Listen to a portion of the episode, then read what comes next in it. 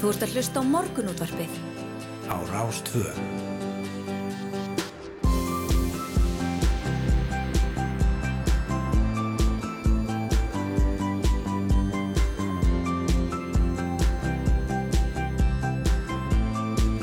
Morgunútvarpið Á Rástvö. Jújú, góðan og blessan daginn, hér heldur morgunútvarpið á stað og það eru Snæra Sindardóttir og Yngvar Þór Björnsson sem eru búin að geibla sig og gretta og æfa errin og ég veit ekki hvað hvað til að færa eitthvað góðan þáttir. Fyrst og fremst er, er fyrsti e, kaffibólinn hér við hönd Já. að þess að skiptur öllu Ég máli fekk mig cappuccino í morgun. Uh, af því að ég hugsa að ég ætla að fá mér eitthvað sem er svona með smá súbstans einmitt, já, Já. akkurat. Aðeins að hafa smá, nokkra hittæningar í þessu. Já, já, akkurat, akkurat, ég er að byrja hérna einum, einum tvöfaldum espresso bara. Já, það er engin súbstans í því. Það er engin substans í því, það er bara, bara hérna innan tómt koffín. Já, En við ætlum að fara nokkuð víða í þættinum í dag, við ætlum að byrja já, í eigum en niðurstað umhverju sem að skýrslu verðna landeldis á lagsi í kvíum við viðlega fjöru í vestmannjum sem kynnt var á dögunum er að framkvæmdinn hafi óveruleg umhverfis áhrif. Nú gert er áfyrir að framlega þar um 11.500 tonn af lagsi á ári þegar stöðin verið komin í fulla framlegslu og við ætlum að ræða stöðu verkefnisins við Írisi Róbertsdóttur bæjastjóra Vestmanneigabæjar hér í upphafið þáttar. einmitt. Svo hefur ansið margt breyst um og eftir faraldur kemur að vin- vinnumarkaðnum. Við höfum þúsund sinnum heyrt að aukin sveianleiki varandi bæði vinnutíma og staðsetningu sé framtíðin og jafnvel eitthvað sem fyrirtæki geti gert þess að laða að sér starfsfólk. En sitja allir við sama borð þegar kemur að þessum sveianleika. Í útökt BBC frá því í gær kemur fram að ungt fólk sem mun frekar hlekka við skrifborðið en þeir sem eldri eru á vinnustöðum og, og þetta kemur kannski ekki á óvart, það séu frekar stjórnendur og millistjórnendur sem búa við þennan eftirsóta sveigjanleika á meðan fólkið á gólfinu, ef svo orðið komast, situr eftir við tikkið í stimpilklukkunni. Við ætlum að fá til okkur þar Sonju Þorbergsdóttur formann BSRB og Alessandru Írvan Erven, forsetta landsabands íslenskara stúdenda til að ræða þetta mál. Tikkið í stimpilklukkunni, yngvar. Já, Sko, eiliðar deilumál. Já, það kemur hans fram í Mm. þessari úttækt að það virðist vera svona ákveðið hérna það viðþorfa að unga fólki þurfa nú að vinna fyrir sveigjanleikunum. Já, já, sanna sig í vinnu líka. Sanna sig til þess að geta að búa við sveigjanleikan og það er kannski, það er svona, ég sé kost og galla, auðvitað það maður kannski að læra að vera í vinnu ef maður er mjög ungur.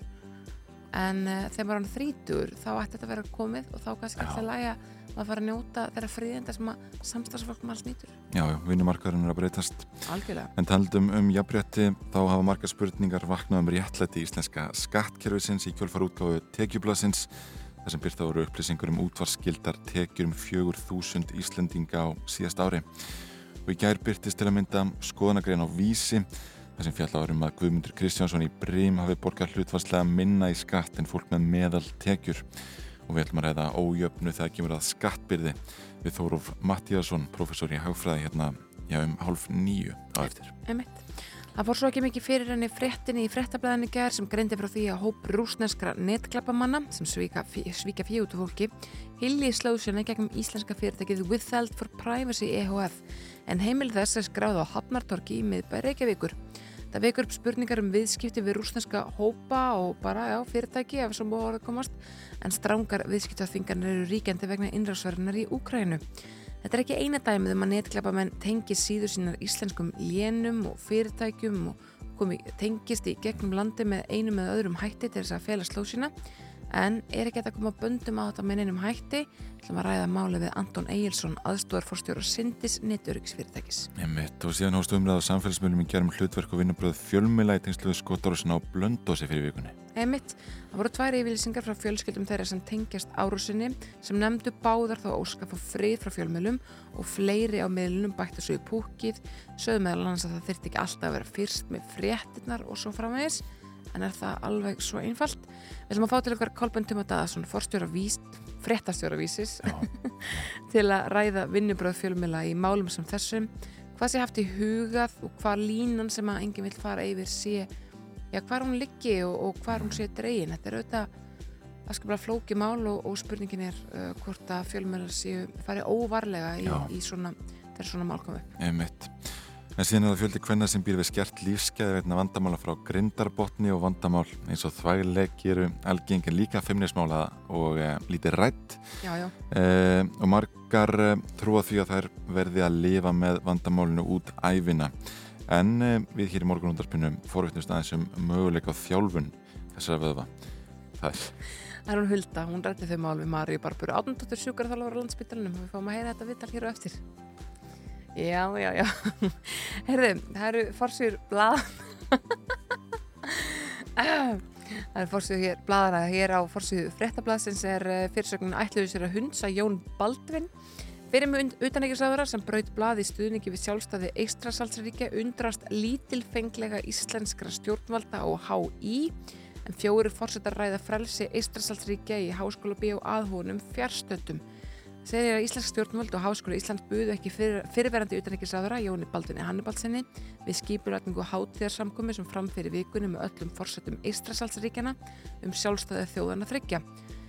Þetta segir fyrrum samflokksmaður Jóns Baldvins um, já, hver er það? Mm. Mm, veit ekki, en segir hér uh, Háskóla Íslands og fórsættembatið búið til fundarins í Háskóla bíó næsta föstudag til að fagna þreymur áratugum á stjórnmálarsambandi eftir að Ísland varð fyrst ríkja til að viðukjöna ný sjálfstæði Íslands, Lettlands og Litáen.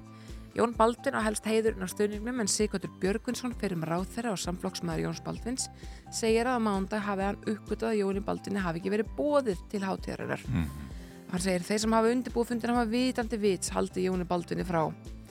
Um, já, já, já, já. Já, já, En hann fekk svo, byttunum við, stoppur nú aðeins yngvar. stoppum aðeins. Þetta er nú forsýðu fréttina fréttablaðinu og við höfum smá tíma.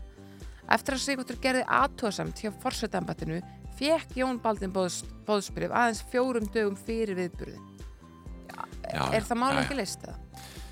Maður myndi alltaf það. Maður spyr sig. Mm. En Þú hér veist að... hvernig þetta er, þegar maður er að bjóða í bóð, sérstaklega á Facebook og svona, þá þetta séu þetta Einmitt, aðeins formera það. Það kemur fyrir að maður bara missir af einhverjum já. og fær svo einhvern veginn, já, hérna, Maður les samt í það þegar maður er ekki í, í sko fyrsta hollinu sem er búið. já, en, en er, Ég held alltaf að mörgir það. getur ekki bara verið að pósturinn hafi eitthvað að klikka þarna, eitthvað músó eða hver sem að Jón Baldvin býr. Það getur líka verið. Eh, hér á fórsíðu morgunblassis er að rættum sölu Símans á Mílu. Sýtis fyrstu daginn 1. júli síðastlind greindi, ja, sendi samkeppnis eftirlitið fulltrúum franska fjárfestingasjósins Ardian 110 blaðsíðina andmæla skjál þessi framkoma stofnunin myndaði öllu óbreyttu ekki samþykja kaup Ardian á Mílu dótturfélagi Símasjögrun eins og greint hefur verið frá.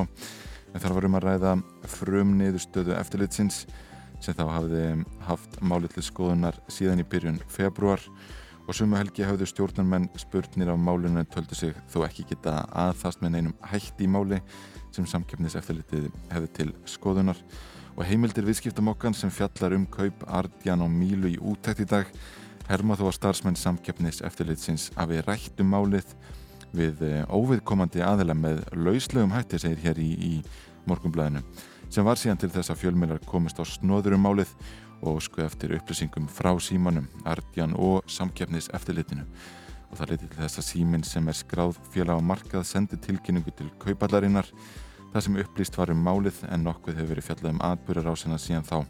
En málið er enn til meðferðar og frestu til að ljúka þér fram í miðan september og þá vera liðnir 11 mánuðir frá því að kaupin voru upphálega tilkynnt. Mm.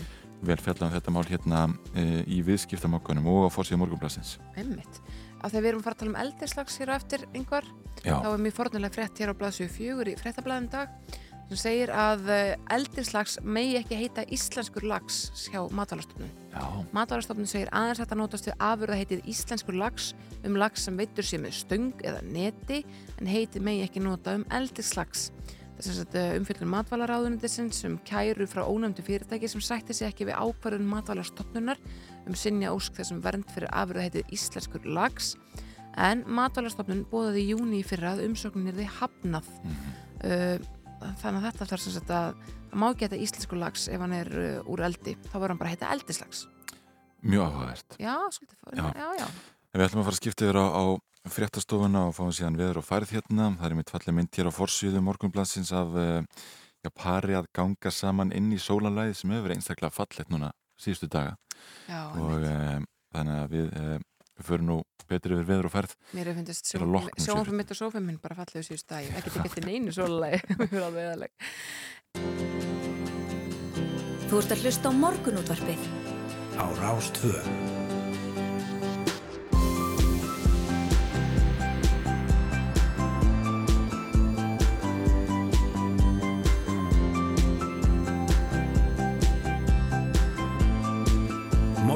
útvarpið á Rástföð Morgun útrúfið býður góðan dag miðugudaginn 24. ágúst. Sjöfrettir að baki búið að minna á, á rú.is og það eru Yngvar Þóru og Snæru Sindaradóttir sem ætla að setja hérna með ykkur til klukkan nýju og ætlum að ræða í eitt og annað. Já, já, við ætlum að ræða mögulegan á eldislagsi í vestmannegjum, við ætlum að ræða uh, þann hvern, fjölda hvenna sem býr við grindabótsvanda, við ætlum að ræða vinnumarkaðin og unga fólki sem setur eftir þegar kemur að sveigjanleika þar, eða mögulega að mista kosti. Svo ætlum við að ræða uh, þá staðarind að hópur rúsnarskra netkleipamanna uh, heili í slóðsina gegum íslensk fyrirtæki uh, sem að, uh, já, það vekur upp spurningar varandi viðskiptaþvinganir og fleira í þeim dúr því allt hlýtur þetta að kosta smá nokkra öyra. Svo ætlum við aðeins að ræða uh, viðskiptingu auðs og, og uh, já, hlutfalslega skattgreðslur auðmanna með við okkur svona sem eru ekki sérstaklega rík. Nei, nákvæmlega. Uh, og við ætlum að enda þáttin á að ræða uh, fjölmjölaumfellinu tengslum við uh, skotar og svona blöndorsi Einmitt. Við skulum líta til veðus hér á um, veð, veðurstofunar í hulið veðurfrængs segir að grunnlægð söður af landinum stjórnar veðrun í dag. Spáð er norðaustlæri átt á litilli rigningu eða súld viða um land en lengst af þurrviðrim söðvestan til Á morgun reyfist læðin norður fyrir land og dýfkar nokkuð en gengur þá alkvass eða kvassa norðvestanátt á norðausturlandi og bætir í rigninguna þar. Nú fremur svalt á norðanverðu landinu en hægar í norðvestanátt, bjart með köplum og lít sunnan heiða.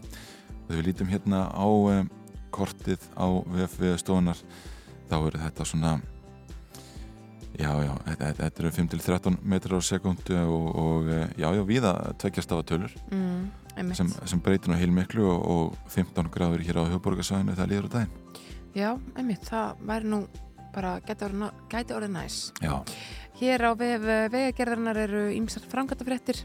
Í dag verður 800 metra kapli á Arnanesvegi Malbyggaða til vesturs Uh, já, ég er svona kvöldurinn að vera frá 8 til halv 1 á Nýbilavegi verður malbyggaður 450 metra kapli til austurs á hægri agrin Nýbilavegar í Kóbói uh, hægri agrin, er það ekki bara, fer það ekki eftir í hver áttanum að snýra? Jú, alltaf ekki. Já, þetta ekki, Já. alltaf hana til austurs.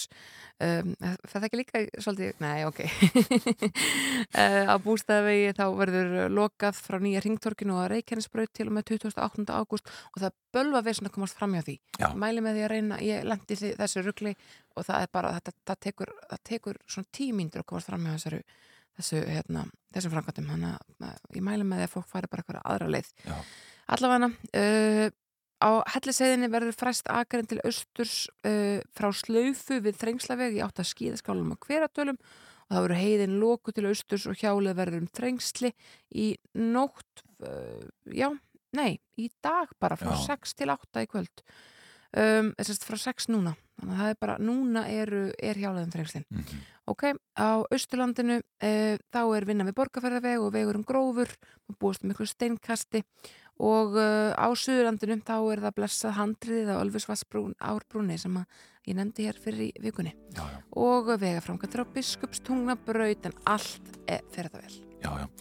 Við viljum að fá fyrsta lagdagsins, þetta er Hæ Stína með Snóra Helgarsinni nýtt með honum.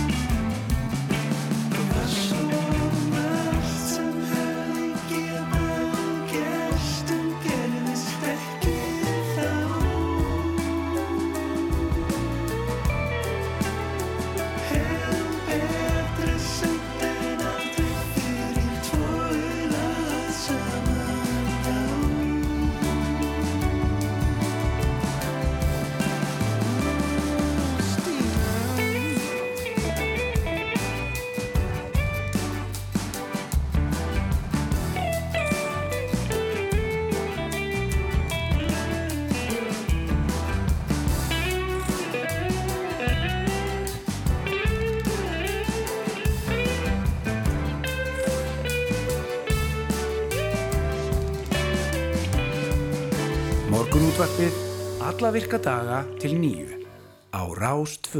Herðingar, ég er að reyka hér augun í uh, ótrúlega áhugaverða frétt á vef BBC sem kemur fram að uh, já, týjir uh, týjir voru först inn í ermasamtsgöngunum í gær kvöldi. Já. Það eru göngin svona jafnbarðagöng á milli Fraklands og Englands. 50 km löng, vel að merkja. 50 Já. löng. en það voruð först í á sjötta tíma þarna inni og sko það, þetta er ótrúlega myndir frá þessu þar sem að, að þetta, er bara, þetta er bara ótrúlegur fjöldi fólk sem er að ganga í raun og vera á milli Mhm. þessar að tvekja landa af því að það var lest sem að bilaði ekki en það kom svona viðvöruna hljóði henni það var okkur að stoppa og svo var fólkinu hleyft út og það bara já, þurfti bara að gjöra sér vel að ganga stað Já, já, Um, um, gert að ganga í, í beinni röð, segir hér. emitt, ég það er nú eiginlega ekkert annað hægt sko. Það er ekkert annað hægt þarna inni. Það er hérna talað um að það verið svona bara upp á öryggi að gera og, og, og líka hvað var þar þægindi. Já, já, algjörlega. Hér er talað við að Söru Fellows frá Birmingham sem segir að þetta hafi verið ha- í hamfaramynd þau hafa bara verið að ganga inn í tómið og vissu ekki hvað myndi gerast Mm. hafi verið hérna undir hafinu þessi göng liggja undir ermarsundið þetta er bara svo kvalfæragöngin okkar nema á miklu stærri skala Já, já, miklu lengri. Já, já. Og svo er sagt hér, hér frá því að fólk hafi verið að fá taugaföll og, og öskra og garga og gráta og bara liðið mjög illa í, í þessum aðstæðum sem hefur nú kannski ekki verið til þess að auka veljan annara Nei, nei. en, en þetta eru sko, hátt, eins og segi, hátt í sex tímar sem fólk er fast undir hafinu í þessum göngum af því að það kom neðarborð frá, frá lestinni. Já, já, akkurat. Þetta er alveg ótrúlegt og, og er alveg að segja það að það hafi ekki verið þægilegt að taka almennir samgöngur í Breitlandi núna síðustu daga. Nei. Bæði já, þetta og, og, og síðan náttúrulega hafa verið mikil verkvöldlanda. Mm Þannig að mikið af, eh, af faramátum hérna eh, hefur ekki hægt að taka lestir eða, eða, eða annars slíkt. Emitt, algjörlega. Eh, við erum svona hérna að skoða eh, renna yfir vef miðlana og eh, það er náttúrulega mál máluna í, í dag að það hafa að kynna mögulega stýrivægstahækkun og, og það er nú allir bankarnir samanlega það að þetta verði einhver hækkun. Það er fjallum þetta hérna í áfórsi viðskiptamókans uh, og uh, það er rétt fyrir Snorra Jakobsson, hagfræðing og eigenda Jakobsson Capital sem reikna sterklega með að peningastefnu nefnd Sælabokan Íslands hækki stýrivexti bankans í dag já, um einhver 0,75%. Uh, bankin hækkaði síðast í júni uh, um 1% Mm og farið svo að bankin hækki vextinu 0,75% verða vextir á sjö daga bundnum innlánum 5,5% núna. Það fundur uh, venju samkvæmt í Sælabankunum 9.30. 8.30, emitt. Það er 8.30. Já, hann er nefnilega, við náum honum hérna áður en að þátturum líkur. Já, já, það er ágætt, ágætt. með, þess að það verður fundur 9.30 en tilkynningin er 8.30. Þannig að við vitum Akkurat, já, akkurat. þá Já, hver fundurinn er, er alltaf 9.30 en við vitum það er Nákvæmlega. það þarna fyrir okkur 9.30. þarna. Já, en allavega þá er vonað þessari tilkynningu eftir uh, já, klukkutíma á korter og uh, já, flestir eru að spá þessu 75 púnta hækkun. já, já, nákvæmlega, nákvæmlega. Uh, við um, talandum um London og Bretland og, og ferðalög þarna um Ermasundið, þá ætlum við að fá næsta lagdagsins. Þetta er Lili Allen og, og Lundunir. Já, og hugsun til þeirra sem voru först í ermarsundsgöngunum í nót.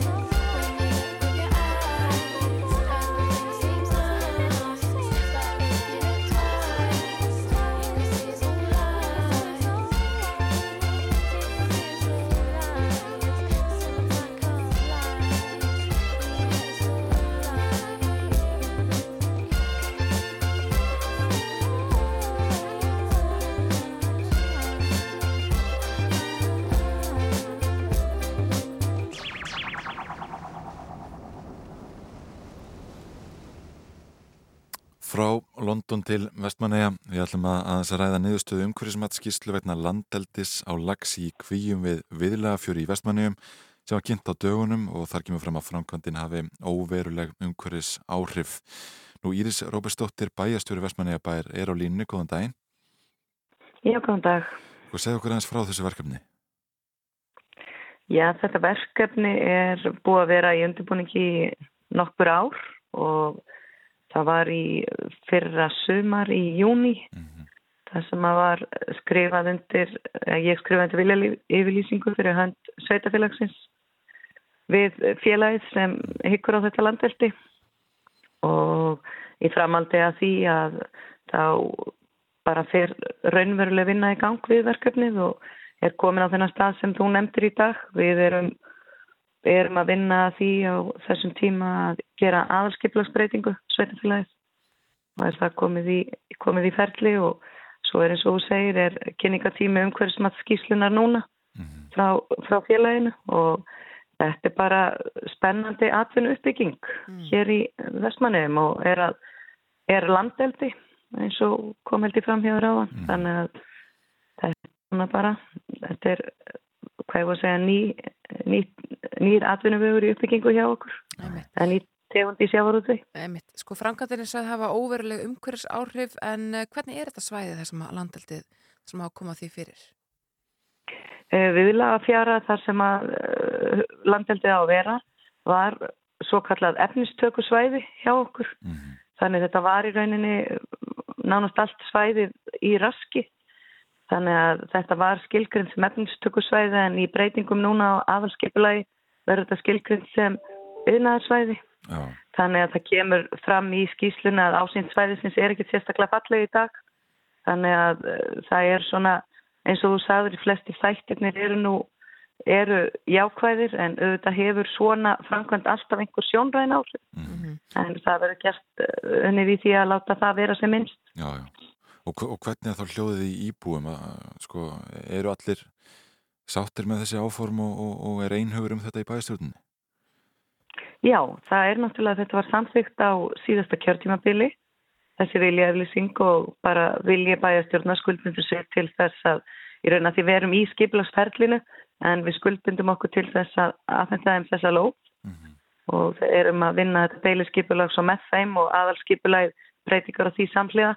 Já, það var einhugur í bæjastjórn og er líka núna í þessari bæjastjórn sem tók við og það er þeir og Vestmanni bær hafa haldin opin fund og kynnt þessa fyrirætlanins fyrir bærbúum Mhm. og svo hefur verið tölverð umfjöllun um þetta í fjölmjölum hér og það er jákvæðni út í verkefni. Mhm. En svo er það auðvitað eins og þið komið inn á þessi umhverfismat skýsla er í kynningu núna þannig fólk hefur tækifæri og aðrir að koma með aðdjóðsendir en það er búið að vinna mjög mikla vinnu og það sem að mér persónlega finnst jákvætt við þetta verkefni er að þetta er, þeir hugsa þetta mjög á eins umhverfisvænan hátt og hægt er en það er landeld, landeldi það sem verðist koma skal í heiminum í dag í lagseldi og þeir leggja mikla áherslu á að skoða kólefnisspor og allar grænar lausnir sem að við erum náttúrulega bara mjög sátt við. Og talar um að það sé mikilvæg og, og góð atvinnu uppbyggingu fyrir ykkur. Hvað er gert þér ráð fyrir að það verði mörg störf uh, sem fari í þetta? Það er gert ráð fyrir 100 pluss störfum í tengslum við þetta Einmitt. og svo eru þetta afleitt störf og Einmitt. bæði náttúrulega ábyggingatíma og þetta er í rauninni, þetta er bæði verkefnið sko, það er í rauninni inn í viðlagafjöru og sem að landeldi sjálft er og svo er inn í botni fríðarhafnar það sem þeir eru með seiðaeldi en það er ekki í þessu umhverfismatsferðlega því það er skilgrind undir uh, undir svona starfsemi. Það var breyting á því að það átt að vera þristigeimslaðar en þeir fóru yfir í seiðaeldið Já, já. Þannig að þetta er í rauninni tvær framkvæmdir en viðlaga fjaran er það sem að umhverfismatskíslan er í rauninni að fókusa á sko. Þannig að atvinnu þátturinn er svona stærsti ávinningurum fyrir vestmannegar frekar en kannski einhverjar svona, já, einhverjar, einhverjar lóðalega eða greiðslur tengslum við þessu uppbyggingu. Já, það er hérna, þetta eru bæði nýstörf og tækifæri fyrir nýtt fólk að koma til okkar og svo er þetta að við erum sjáurðu samfélag og byggjum líka náttúrulega á mikill í ferðarþjónustu og þetta er svona egg til viðbútar í þá körfu að vera með þú veist, aðeins breyðara á bakviða því að við séum ekki bara með þennan hefðbundna sjáurðu heldur þurfum inn í þetta líka. Og eins og staðin er í dag þá er þetta örst vaksandi og það er mjög stutt í það að í rauninni þessi eldist framlegsla á fiski fari fram úr þessum veiðum á viltum fiski þannig að Já, þetta er auðvitað bara jákvæmt skref við ætlum að halda áfram að byggja upp tækifæri í sjáurútvegi í versmunni. einmitt. En hvernig er tíma áallunin? Hvað gerir þið ráð fyrir að framlega mörg tonn af, af lagsi á næsta árum? Þeir eh, að byggja þetta í áfengum og staðan er þannig að þeir eh, reikna með að taka svona 4.000 tonn í fyrsta áfanga en svo á samkvæmt skýslunni og að fara alveg upp í 10.000 tonn. En svo eru inn í framtíðina stækkuna möguleikar Mm á svæðinu en það er svona framtíðar, framtíðar tónlist en þetta er bara mjög, eins og ég segi, spennandi verkefni og þeir hafa staðið sér vel uh, gagvart í að kynna þetta. Og það er núna í tengslu við umhverfismat skýsluna mun vera haldinn annar kynningarfundur fyrir bæjarbúa. Og þetta er einhvern veginn á þannig stað þó að Vestmannegar sé ekki, ekki stór, við hefum ekki mikið landflæmi þá er þetta á þannig stað að ef þið komið hérna þá er þetta austan megin. Á eiginu eins og ég segi svæðið kannski var ekki sérstaklega fallega ásýnd á því. Þannig það byrðist svona að vera allavega í öllu ferlinu. Við hefum náttúrulega auðlýst og kallað eftir aðdóðasendum og það hef ekki komið aðdóðasendir frá íbú í því ferli sko. Nei, ok, akkurat. Þetta er jákvæmt Þetta er mjög áhugavert verkefni Íris Róbersdóttir, bæjastjóri Vestmannegjabæjar. Takk fyrir að vera á línni hjá okkur. Takk fyrir spjallir Takk Það fyrir að líða frétta yfirleiti hjá fréttastofu Ríkisútursins en eh, svo ætlum við að ræða eitt og annað. Við ætlum að heyra viðtal Huldu Geistóttur við hana Maríu Barbaru Átnandóttur sjúkarþjálfur á landsbytaranum varandi, já, bara skert lífskeiði kvenna í tengslu við ímis, að líkamlega kvilla svo sem grindaboss vandamál og svo framvegs. Já, já, við ætlum að ræða sveigjanleika á vinnumarkaði, netöryggi og, og eh, já, svona ójöfnu það kemur að skattbyrði. Það er margt framöndan í, í þætti dagsins. Heldur betur. En þetta er First Aid Kit og Angel.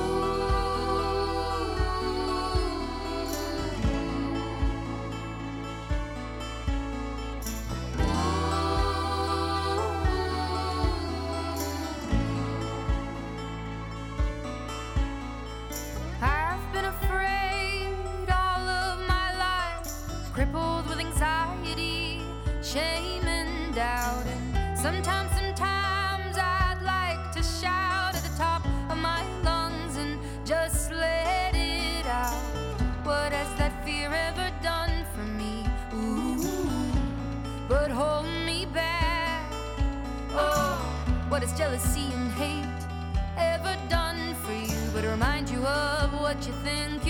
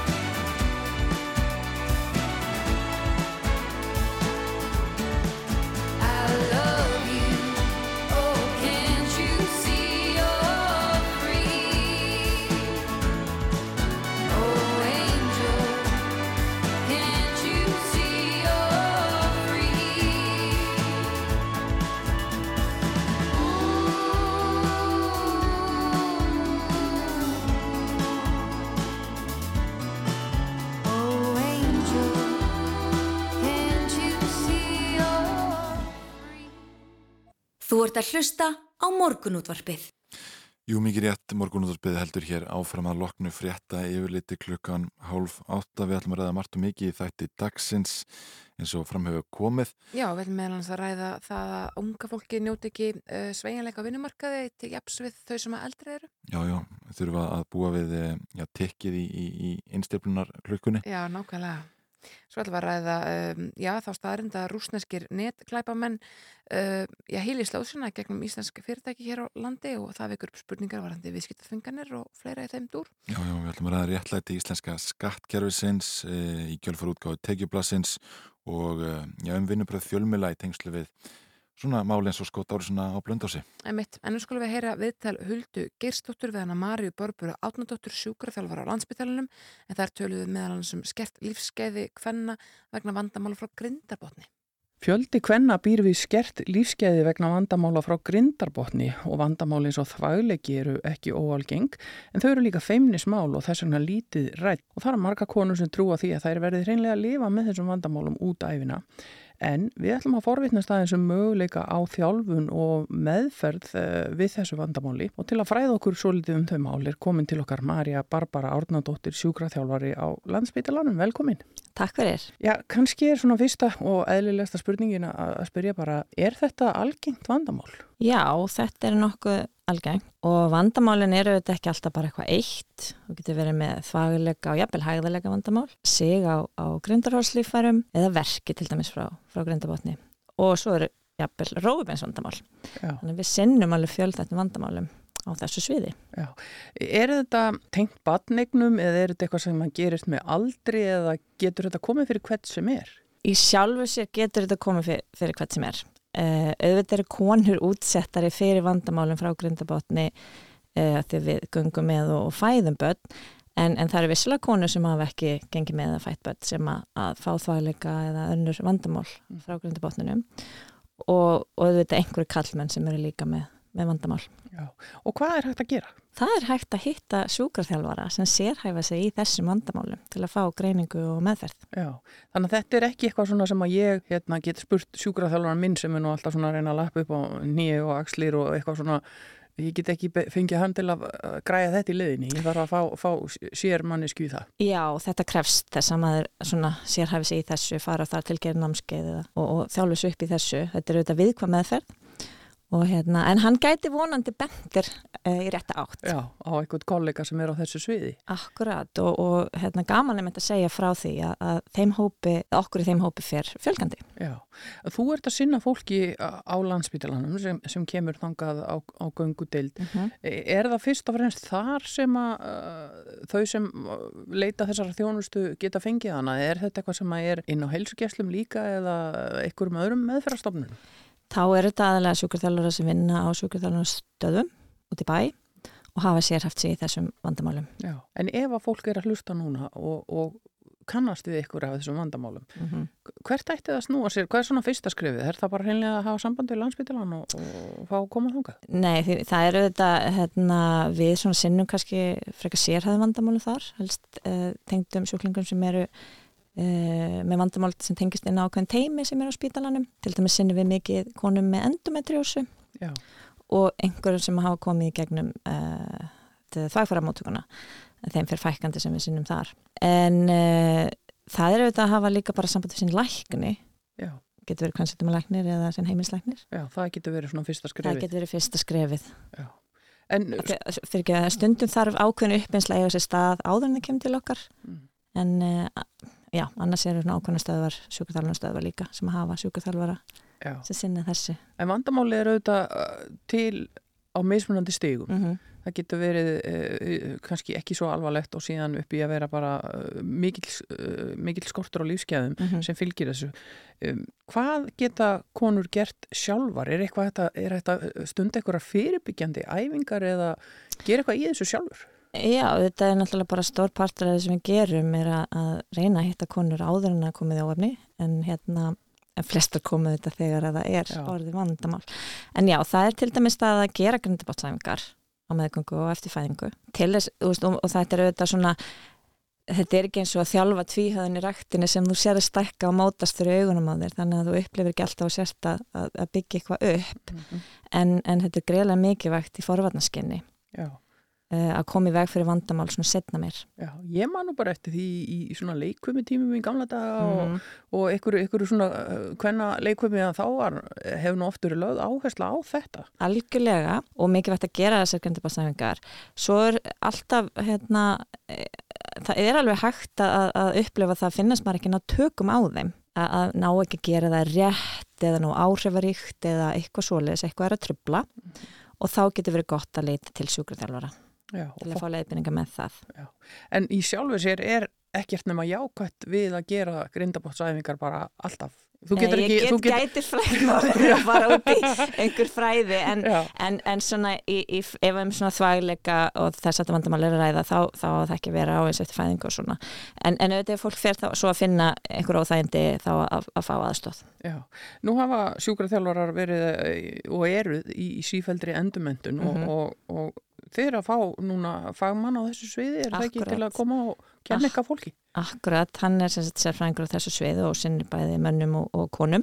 Hann heitir Bill Taylor, er sjúkurþjálfari í Edinborg. Hefur einu sinni áður komið að vera með námskeið og ætlar að bjóða núna upp á, upp á námskeið fyrir okkur sem erum á þessu sviði og erum svona byrjuð að vinna á þessu sviði, þetta er svona framhaldsnámskeið. Uh, og líka svona því að auðvitað þurfum við ekki að greinta milli, þú veist, hvað er greintabotnum, hvað er ekki, þú veist, aðlega er uh, struktúruna sem maður segir og að svona styrkja okkur í því með þessu námskeiði.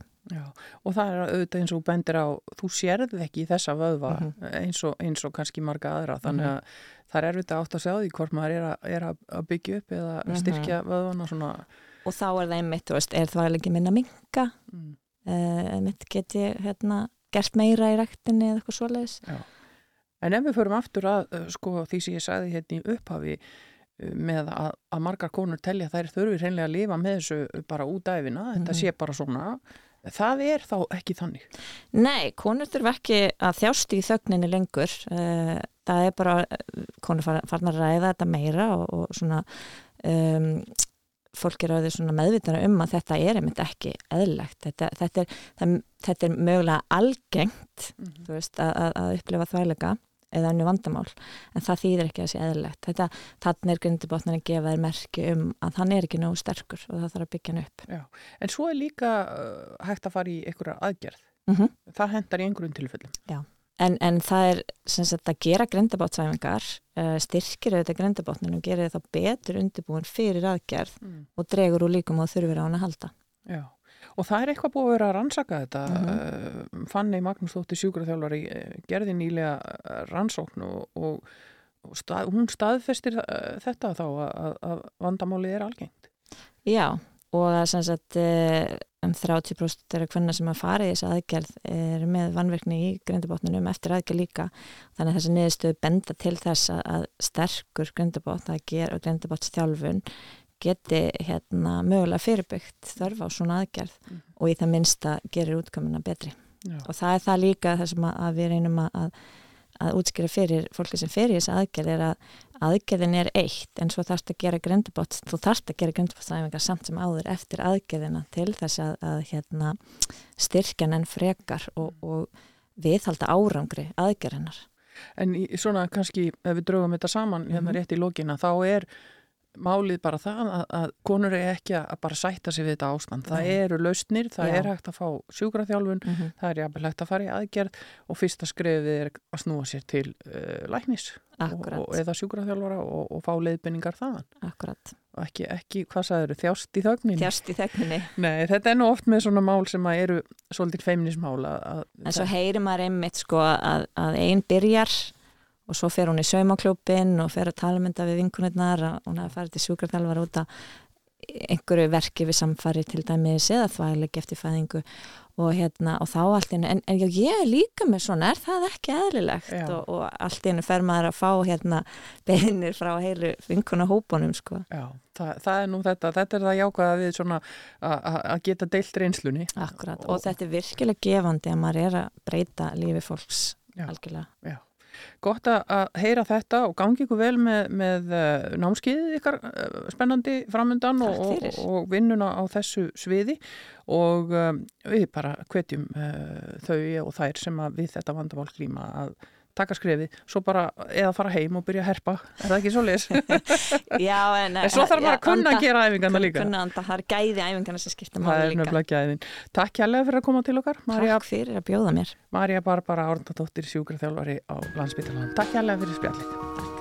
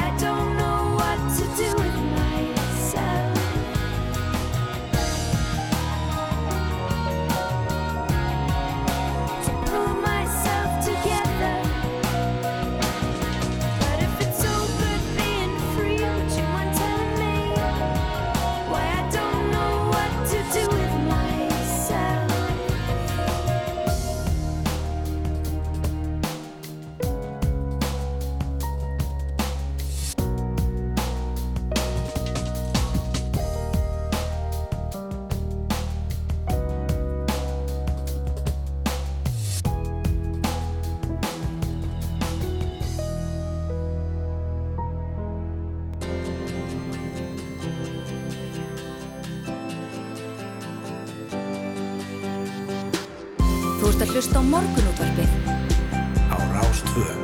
Jú, hann fenguð að heyra Emilian Torrini En það hefur hansi margt breyst um og eftir faraldur þegar kemur að vinnumarkaðnum. Við höfum þúsundsinnum heyrt að aukinn sveigjanleiki varðandi bæði vinnutíma og staðsetningu sé framtíðin og jafnvel eitthvað sem fyrirtæki geti gert til að laða að sér starfsfólk. En spurningin er hvort það setja allir við sama borð þegar kemur að þessum sveigjanleika.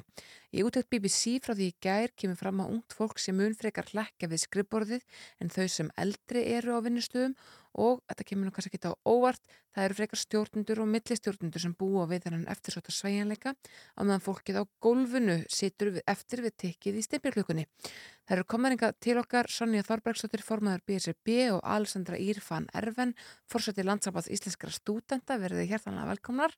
Takk. Takk. Sko, þetta eru auðvitað rannsókn og, og úttækt BBC, hún er svona eitthvað leti miðið af Breitlandi en uh, ef við horfum bara á unga fólki í dag, ungt fólk undir 30-35 kannski, Alessandra, sko, býr það við sama sveigjanleika og, og svona, já, væri að, að hvort eftirsótt að búa við?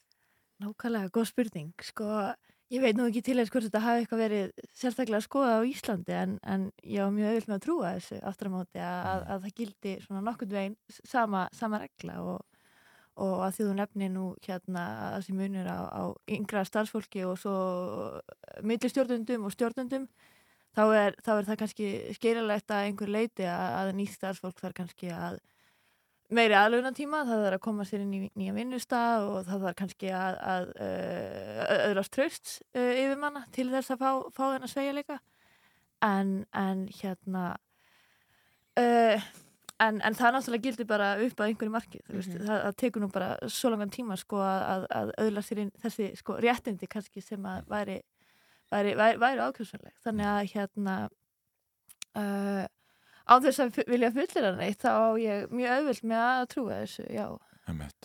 Hvað segir þú Sonja? Er, er þetta vandamál sem þið takir með ykkur inn í kjara viðræðar almennt að, að, að einhver, einhver svona sveigjanleiki og almennt að allir fái þetta? Já, mér fannst áhugavert að sjá þetta af því að sko miða við þar kannanir sem hafa verið gerðar og, og þær hafa kannski, maður að taka það fram að Reiki hefur kannski ekki alveg sest af því að kannanir voru gerðar umvegulega í COVID og svona rétt eftir þannig að það kannski ekki alveg búið að sjá fyrir hvernig fólk eru að horfa á þetta til framtíðar innan vinnustæðana en þá voru við ekki að greina sko mikinn mun e, eftir aldri. En þá auðvitað var þetta þannig að fólk var sko að meðlutu til skikkallega að vera heima vegna faraldusins og svo er svona fólk að finna sinn takt á, á vinnustöðunum. Og þá sáum við það sem við höfum svona smá áhyggjur af er að, konur voru aðeins líkleri til þess að, hérna, vinna heima og það er talið bara vegna eðli starfana en, en það, það sem maður hefur áhyggjur af þar er til dæmis út frá þá þriðjuvaktin eða svona hvað, hvaða áhrif þetta myndi hafa á jafnbreytti kynjana ef að konur væri frekar að taka út sveigjanleikan eða nýta þann möguleika. Einmitt. Og, og svo sáum við líka að háskólamöntar eru líklega til þess að, að vinna heimann heldur þeir sem eru með grunnmöntun og það er náttúrulega líka skýrist bara út frá eðli starfa sem mm. þurfa bara að vera á staðnum og, og hafa ekki svona stjórn á þessu. Þannig að ég hugsaði að það væri bara áhugavert að skoða það mitt inn í haustu hvort að það sé ennþá í bóði þessi sveigjalegi, það er raunverulega svona fyrsta spurningin sem við erum að velta fyrir okkur af því að við höfum heyrt það, það eru mjög margir sem eru svolítið svona vilja fara aftur í sama farið, stjórnundur á vinnustöðum og svona hafa hlutin óbreytta og þá auðvitað eins og þú nefndir hérna í byrjun að þá e, er þessi spurning að því við erum búin að sjá líka bara breytingarnar þú veist, eins og hérna stóra uppsögnir svona kvöldi í Ameríku og, og Ranns og Gallup hérna á Íslandi sínir að helmingur hafi hugsað um að hætti vinnunni. Þannig að hvað raunverulega er í bóði að þetta snýst þá um e, hvenar þú ert að vinna e, og, og hversu lengi og hvar. Mm -hmm. En sko getur verið að þessi sveigjanleiki að, þú nefnir hvenar þú vinna og hversu lengi og svo framvegis að þessi sveigjanleiki geti svona mm, gengið lengra heldur en hugmyndur okkar um styttingu vinnuvíkunar að einhver leiti að minnst eitthvað í einhverjum geirum þar að segja að það sem að sé á blaði sko vinnutímin sé ekkit endilega það sem að, er raunverulegur vinnutími fólks.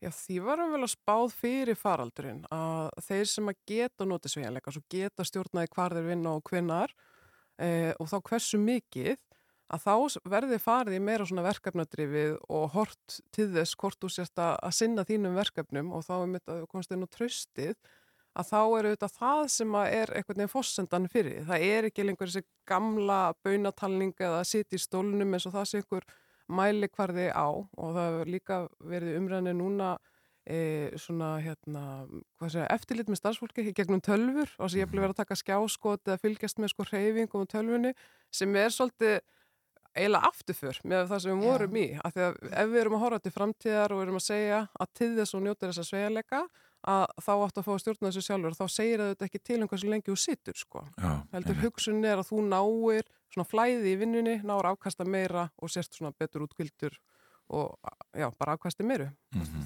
stýttir í tíma Já, já, Alessandra, það, sko, þið náttúrulega eru, eru hagsmunarsamtök allra stúdenda á Íslandi. Mhm. Eh, það er oft verið talað um það að íslenski stúdendar þurfa að vinna miklu meira en, en eh, aðrir nefnendur í, í öðrum nágrannaríkjum. Búa íslenski nefnendur og íslenskt ungt fólk eh, við sveigjanleika? Það er bara rosalega góða spurning og ég held allavega að, að ungt fólk bjó, búi við mjög lítinn sveigjanleika. Uh, það er svona nefni með, með atvinnið þáttöku íslenskar stúdenda, hún er auðvitað rosalega há uh, í, í samanbyrði við, við önnu lönd, kannski sérstaklega þau lönd sem við, við erum ofta að bera okkar mentakeri saman við og, og það má auðvitað ekki bara beint til uh, mentasjóðs íslenskra námsmanna að, að ef að auðvitað framfærslandu öryggi fyrir, uh, fyrir, fyrir lífiðværi stúdenda þá sjálfsögðu uh, þurfa þau að grípa til, til meira atvinnu. Um, og, og, og þá ertu bara komin í helgarna púslespil það er bara að, að sitja saman sko, þá er bæði með hérna, þitt nám sem er uh, örugla forgangsatrið en svo ertu líka með uh, yfirmenn sem að þú þarfst örug, auðvitað að sinna þínu skildinga hvert þannig að sko sveigjarleikin er, er lítill. Mhm. En aukin sveigjanleiki í starfi geti verið mjög góður fyrir fólk sem er í námi, ekki satt? Jú, það myndi maður ætla, öruglega sko, hérna, en það sem ég var svolítið líka áhugaverð sko þegar að hérna ég skoða þessa úttækt uh, var sko að, að það var að tala hann um að, að ungt fólk sko fann kannski fyrir ákveðinni pressu við að mitt sem þurfti alltaf að, sína að þau væru, væru við starfið og þau væru að afkasta og, og þau væru mynd við tölvuna og myndi svara póstum hrætt og vel og svo leiðis um, sko hvort að hérna og nú er þetta bara spekulun sko, hvort að sko, þessi unga kynsla á vinnumarkaði uh, og mögulega tengir þetta samfélagsmiðlum sko, eitthvað að, að, að, að þau eru ekki bara með þessa fasta viðveru þegar þau eiga heldur eru mögulega bara með stöðu af viðveru að þeim finnst þau alltaf þurfa að geta uh, svara yfirmönnum sínum og, og látið vita af sér. Og, og, og þá eru komin í, í svolítið hættilega stöðu ef, að- ef, ef fólk upplifir það. Já, já, einmitt. Þetta er alveg rétt, sko, sem að hún segir, Sonja, hafið þið skoðað þetta, þessi svona mörg á milli vinnu og engalífs og kannski sérstaklega í þessum sveigjanleika, að það séu, ég meina, í sumum löndum er reynilega bannað að hafa samband við starfsfólk eftir ákveðin vinnutíma. Já og það var einmitt svona eitt af því sem við máum ekki var af því við sáum það gegnum faraldina að fólk var einfallega að vinna meira, var að vinna lengur held en umvel að hérna, vinnutíminn ætti að vera og fólki fannst þess að skilin var algjörlega afmást.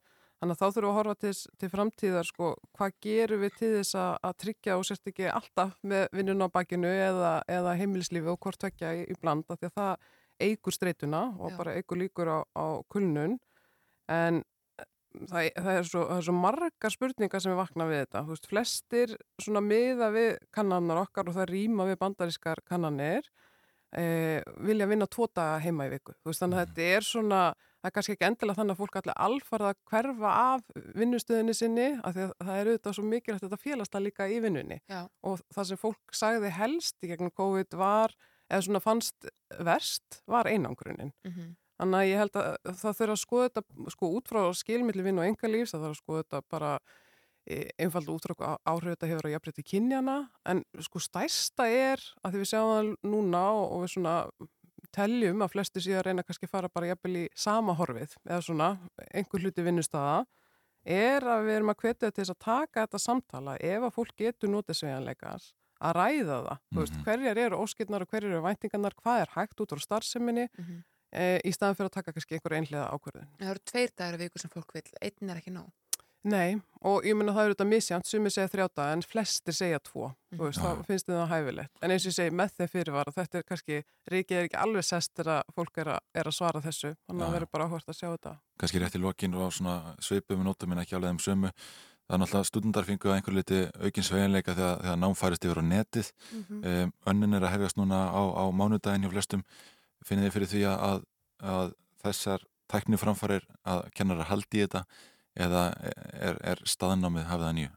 Já, og staðnamið er svo sannlega hafið á nýju og, og, hérna, og það, þar með svona breytir kannski svolítið umhverfunu, sérstaklega fyrir þau sem að hófi nám fyrir þreymur árum og, og kannski farin að, að venjast uh, net uh, náminu. Einmitt. En, en hérna, það eru þetta bara, en ég held að COVID hafi til dæmis bara sýnda hvað hva upptaka fyrirlestra og þess að það er raunin bara góð námskögl svo að hérna ég vona að nefnundur fá að halda í þennan luxus.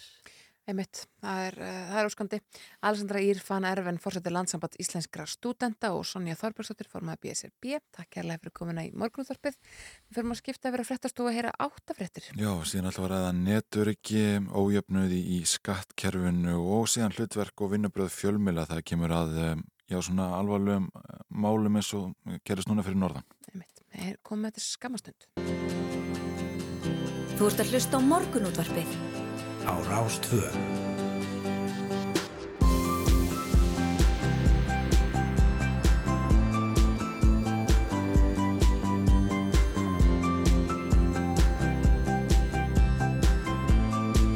Morgunútvarpið á Rástvö. Áttafréttir að bækja á morgun útvarpið heldur ég áfram Ingvar Þór og Snær og Sindradóttir að sýta hérna með ykkur til klukkan nýju og við ætlum að ræða já, Rúsland og netöryggi hérna næst. Einmitt, það fór nú ekki mikið fyrir fréttinni í fréttablaðinu gær sem að greindi frá því að hópur rúsneskra netklæpamanna sem svíkja fjögur fólki hilli slóðsynni gegnum íslenska fyrirtækið Withheld for Privacy EHF en heimil þess er skráð á Hafnatorki með bara Reykjavíkur. Þetta vekur öll upp spurningar um viðskipti við rúsneska hópa en það eru gildi strángar viðskiptaþvinganir vegna innrásarinnar í Úkrænu og þetta er ekki eina dæmið maður netklepa menn tengi síðu sinnar íslenskum lénum eða heil í slóðsina hér á landi. Og hann er komin yngar til okkar Anton Eilsson aðstúarforstjóri Sindis netörgis fyrirtækis, verður velkomin Takk, takk. Við byrjum kannski á uh, já, þess sko byrjum bara aðeins á svona stóru myndinni. Er, er allt opið hér á landi þegar kemur að því hvaða fyrirtæki eru hýst hér eða með eitthvað tengingar hingað, er, bara, er þetta bara vilda, vilda vestrið á netinu? Sko Ísland hefur lengi skorað hæst sem uh, frjálsasta ríki í heiminum þegar kemur að internet og netnótkun Mm. og uh, forsaðan af því er bara leikaregluna voru settar svo leiðis ég held að það verið göfu markum á sínum tíma þær voru til þess að til þess að verða uppljóstur að tekja málfrelsi og, og hérna uh, uh, takk komið við fyrir réttskoðun og Já, já. slikt og þó svo að markminn hafi verið göfu og, og, og leikrættina settar þessu svona til framdráttar þá þýðir það og hefur þýtt í gegnum tíðina að með hafa slæðist alls konar hefur slæðist alls konar drasl Mhm. af því að við erum ekki að, að rekja eða, eða, eða greina á mikið hvað er sett á áruninni netið á Íslandi Já, við erum svona nokkur sem heyrð fréttur um það að það eru svona vafasamar vefsíður sem eru hýstar hér um eitt og núna er þetta svona síðasta dæmið um það. Uh, er ekkert hægt að, að, að bregðast við svona löð? Uh, jú, það sem að, það sem að kannski uh, og, og, og dæmið úr þessi frétt sem þú nefnir þar var verið að herja á held ég áströlsk fjármálafyrirtæki og, uh, og svona þegar hóluminn er komið þá liggur sko ábyrðin í rauninni og það að, að geta bröðust við svona hjá fyrirtækjunum sjálfum Mhm. um, þannig að um, ef það er verið að misnota vörumerkið þitt eða, eða, eða gera eitthvað á þinn kostnað og, og við hefum nú heyrt hérna, ekkert, ekkert langt síðan við heyrðum af, af svona sökasíðum sem sný- snú- snéru að, að íslensku banka sem dæmi Einmitt. þá eru flest svo- svoleiðis eða svona fyrirtæki að rauninni vakta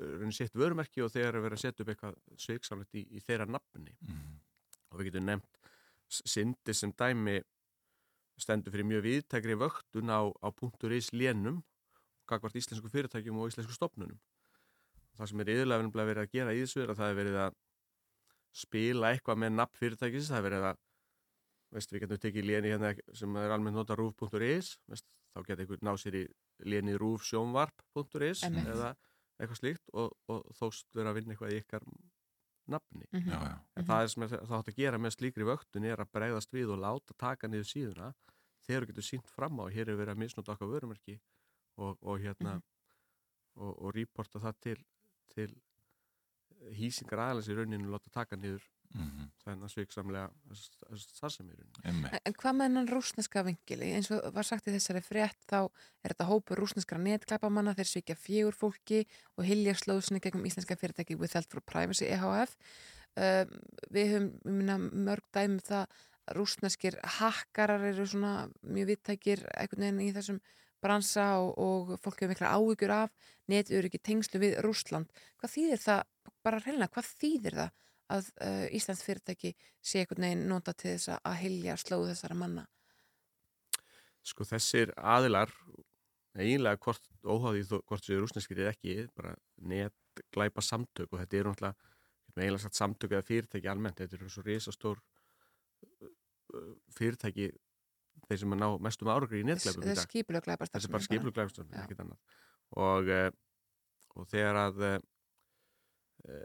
þessir aðilar eru að störfum, þá felaði slóðu sína mjög vel og þeir eru þeir þurfa kannski ekki einu sinni þetta þó þessi að nota sér þetta því þetta sér glufa kannski bara í lögum eða kerfum það að geta geimt svona hlut á Íslandi þá, uh, þá þurfa þeir ekki einu sinni á þess að halda því þeir eru þá bara yfirtakaðir einhverju umhverfi sem þeir eru ekki einu sinni velkomnir í þeir heilja slóð sína og eru út um allan heim -hmm. við fáum 12 ára sér og, og, og hluti sem á reykja uppruna til Úslands og alls konar ríkja sem eru þekkt fyrir mikla svona starfsemi en upprunni árásunni getur verið hvar sem er veist, það, er það, er, það er engin landamæri á því hvar, Mhm. hvar, hvaðan þeir þykjast koma í rauninni Mm. því þeir hafa völd á, á tölvu umhverfum um allan heim í rauninni Já. en þetta er náttúrulega bara kannski, það að, að lögjöfun okkar sé svona opinn, getur við sagt það er kannski bara, þetta er, þetta er ein leiðin að því sem við geta notað Mm. Og, og þetta er náttúrulega eins og þetta fyrirtæki sé á Íslandi það er ekkert um að skúfa svona, þetta, þetta sínda fyrirtæki hérna á Íslandi það vinnur þannig sé enginn hér uh, fyrirtækinu skráði í Belize eða Seychelles-eyjum eða eitthvað staðar og, Mhm. og starfsmenn eða stjórnendur eru eins og í, við þelst for privacy eru staðsettur í Mexiko eða eitthvað sko. Að einmitt. þetta Er- er er reyndar svona slóð sem er eftir að rekja á allan veg sko. Nákvæmlega, en reynda má, má segja það því að ég talaði við bladamann sem skrifaði þessa frétti ger að það var íslensk kona sem svaraði símanum fyrir þetta fyrirtæki og beindi áfram til Mexiko sko. Já, já, já. Það er mjög forðanlegt. En, en þarf það að þínum að eitthvað að breyta lögjöfinni? Já, það, það er kannski með, með alla hluti sem eru bara, getur sagt, svona göfugir, sko, að það er alltaf, hérna, það leynast alltaf svarti söður einhverstaðar, sko, þó svo að við séum að opna hérna og reyna að hafa eins og opið umhverju við getum og Ísland kannski bara þekkt fyrir það almennt. Og mér þessu var bara ætlað að, að hérna, eh, veist, bæta samkynnstöðu Íslands á alþjóða markaði, veist, þetta var þeirra gagnaversiðnaðurinn er, á- á, leiðinu upp og, og slíkt. Og, og var held ég ætlað að gera þetta allt saman á, á á, góðan hátt. En mögulega má styrkja einhver þætti í þessu veist, að, og, og hérna uh, það hefur verið fjallað um þetta áður saksóknar og aðra hérna á Íslandi sem, sem, sem eru með að telja sem vera með hendur sína bundnar alfarið í svona málum, oftar en ekki en það er það spurning hvort að það sé gagvart einhverju þáttum í þessu hægt að styrkja Mhm. stöðu hérna lögjastlu aðalina, eitthvað, þannig að þetta sé allavega hægt að rekja eða, eða sækja eitthvað í þessu. Já, já. Sko það eru gildi mjög takmarkandi viðskiptaþvinganir við Rúsland og, og hérna og svona fyr, íslensk fyrirtæki sem hafa verið að reyna örf á íslensk fyrirtæki sem hafa verið að reyna að fara eitthvað svona hjáleðir í kringum það hafa bara fengið mjög bátt fyrir þau hafa verið, verið mikið gaggarind sko er, myndir, myndir þú halda þetta fjalli undir það þegar að, að hérna, það er íslensk fyrirtæki EHF sem er með þessi tengsl? Já, sko, þó svo að, árásinni að þetta sé raki til rúsnesk hakkarahóps, þá, þá er hann ekki með EHF eða löggilt fyrirtæki í Rúslandi, þannig að, veist, ef þú ætlar að sækja einhverja löglega leið og fara að segja, heyrðu, það er viðskiptaþingun á, á viðskiptið í Rúsland, Mm. þá er það sannlega erfitt á gagvart hérna hópið sem heitir hérna Darknet og er ekki einu svona fyrirtæki. Nei, en, en íslensk, uh, en íslensk uh, sko hýsingafyrirtæki sem að hýsa bara, sko, hýsa bara já, eru bara með síður sem eru raun og veru fyrir rússa og eru að eiga í viðskiptum þar að lendi Já, ég myndi ætla að, að, að þær viðskiptaþingarnir sem eru í gangi þeim væri ætla að takmarka það eða það stöðu var slíka starfsemi en, en, en spurningin er alltaf hver er aðilin sem Já. eftir hýsingunni, hver er og þú sér því þessari slóð sem ég nefnum hérna jú, einhver skúfa á Íslandi, Seychelles-eyjar Belize, stjórnendur í Mexiko þegar þetta eru svona keðjur þá er alveg örugt að sá sem að byður um einhverju síðu þó að sé mögulega rúsna stefna á henni það er bara fengið einhver, einhver skúfa einhver annar staðar til þess að skrifundi þann samning. Og þá er sannlega erfitt fyrir okkur að segja heyrðu það er viðskipt af þingun við, við Rúsland sko. Þetta er áhugavert, það er náttúrulega verið tölvöld rætt um, sko, mikið rætt um persónuvend það kemur að tæknum málum og netinu núna undanfærin ár og, og við erum alltaf að spyrja, því hvort við viljum kingja kökunum og, og, og allt þetta.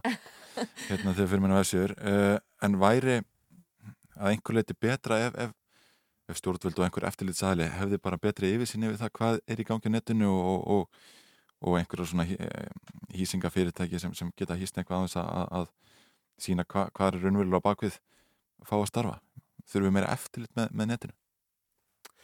Ég held að það sé svona hérna náttúrulega bara risastór spurning um hvað hérna, við sem svona, meira, þjóð viljum standa fyrir. Meina, við erum við, við trúum svolítið held ég á, á frálsæði fólks og, og hérna höfum staðið fyrir því held ég almennt og, og ég held að við viljum ekki fara í sem svo bara umræðanum band eða eins og hefur talað um bandaríkinu menn það sem þú bara svona, gerir ráð fyrir því að, að njóstnastofni ríkisins hafi aðganga að gagnunum alveg saman hjá hvað þjónustu aðað þú ert.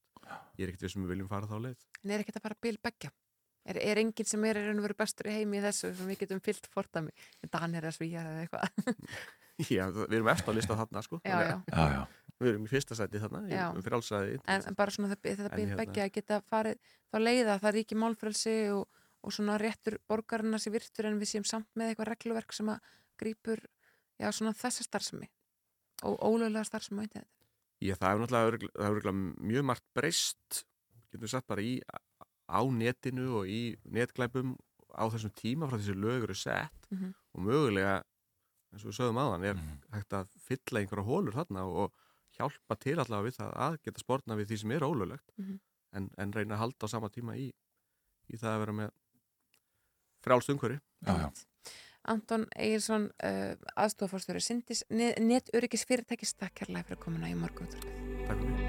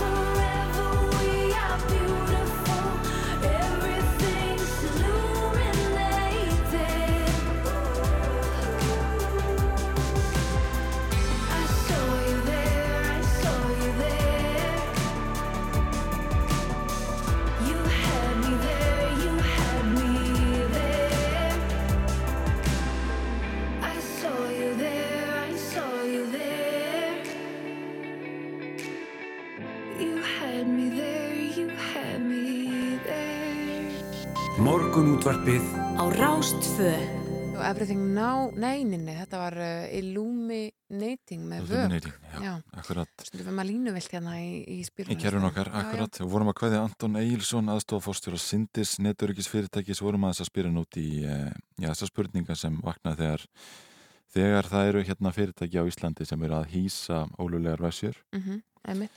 Já, það eru mjög margar þessar spurningar og, og það eru þetta eins og hann nefndi það sko þegar kemur það hýsingar hýsingavefjunum þar sem að er verið að greiða fyrir uh, já, í gegnum greiða fyrir hýsinga á rúsneskum hérna vefsíum þá hlýtur það að uh, hafa áhrif þessar viðskiptaþvinganir sem eru í gildi og hafa verið gildi já, í tæplega hálft ár það eru hálft ár síðan að innrásin í Ukrænu hóst Einmitt. það er ótrúlegt þetta var einhvern veginn eitthvað sem að maður fyrsta lagi held að myndi ekki gerast og í öðru lagi bjóst alls ekki við því að það er svona óbáslega lengi þetta stríð. Já, það er hér frétta á vefrúf og við verðum eiginlega að mæla með því að fólk fari inn á, inn á vefun og skoði myndirnar Mm. því að eh, Markus Þóraldsson okkar skrifar hér frétti í nótt um að langvinnir hitar hafi nær algjörlega þurkað upp fljót í þjóðgari ég kendi við risaðlur í Texas í bandaríkjónum og þar blasir gráleitur árbótnin við og það sem þar er að finna sannar að fátt er svo með öllu ílt að ekki bóði nokkuð gott, segir hann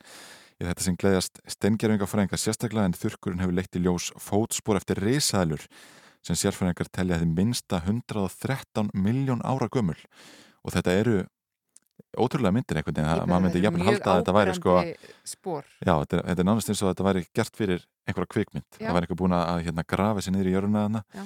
En talskona Dinosaur Valley þjókarsins segir að spórin séu auðsjáanleg viðsværum garðin í og við fljótið Einmitt. og eh, flest eftir tegundina eh, ja, Acrocanthosaurus Einmitt. kjötætu sem gatt vel orðið á 15 metra há. Mm. og það hafa líka fundið spór hérna eftir enn mikil fenglegri skeppnu sem gengur þetta heitinu Sauroposeitum eða gífur eðla Já. en gætt orðið 19 metra há og vóum 44 smálestir sem minnst alls er góð mæleining ég veit ekki hvað ein smálest er uh, þung en uh, þessi var minnst eitthvað 44 smálestir en þetta eru ótrúlega djúb spór og þetta, mér finnst þetta alltaf svo merkilegt af því að, að að maður er svona mannur því að hlutir veðrist svolítið Já, já. og svo fer hann heilt fljót yfir og vantalega með strömi og öllu Já, en uh, það sér ekki á þessu þetta er bara þetta hafi verið bara stíið í gær sko. Já, já, akkurát og við rættum nú aðeins aðeins risaðlur og þar hamfari sem leittu til dauða þeirra við Safar Helga Bragason hér í gær eh, en þessar risaðlur er réður ríkjum á jörðinni í yfir 160 miljónir ára og ljóst að við þurfum að fara nokkuð vel með jörðin okkar ef við ætlum að, jafna risaðlunar í þessu. Já, en við höfum líka fjallað aðeins um þessa þurka sem að geisa bæði Evrópu og, og þarna í bandarækjunum uh, og það er ímislegt fleira sem er að koma í ljós upp úr jörðinni eftir því sem að, að já, líður á sumarið. Það er alls konar fornminjar og, og hungursteinar í, í steinhlöðnum uh, árfarvegum og svo framvegs. Þannig að þetta er, er mjög forðunlegt. Þetta er hérna góðsend tíð fyrir forðlega fræðinga, kosti. Já, já, akkurat. En uh, við ætlum að fá eitt lag hérna, Everything Now með Arcade Fire, fáum síðan fréttafleit á slæginu hálf nýju og ræðin síðan ójöfnu það kemur að skattbyrði við Þóróf Mattiásson hér til smá.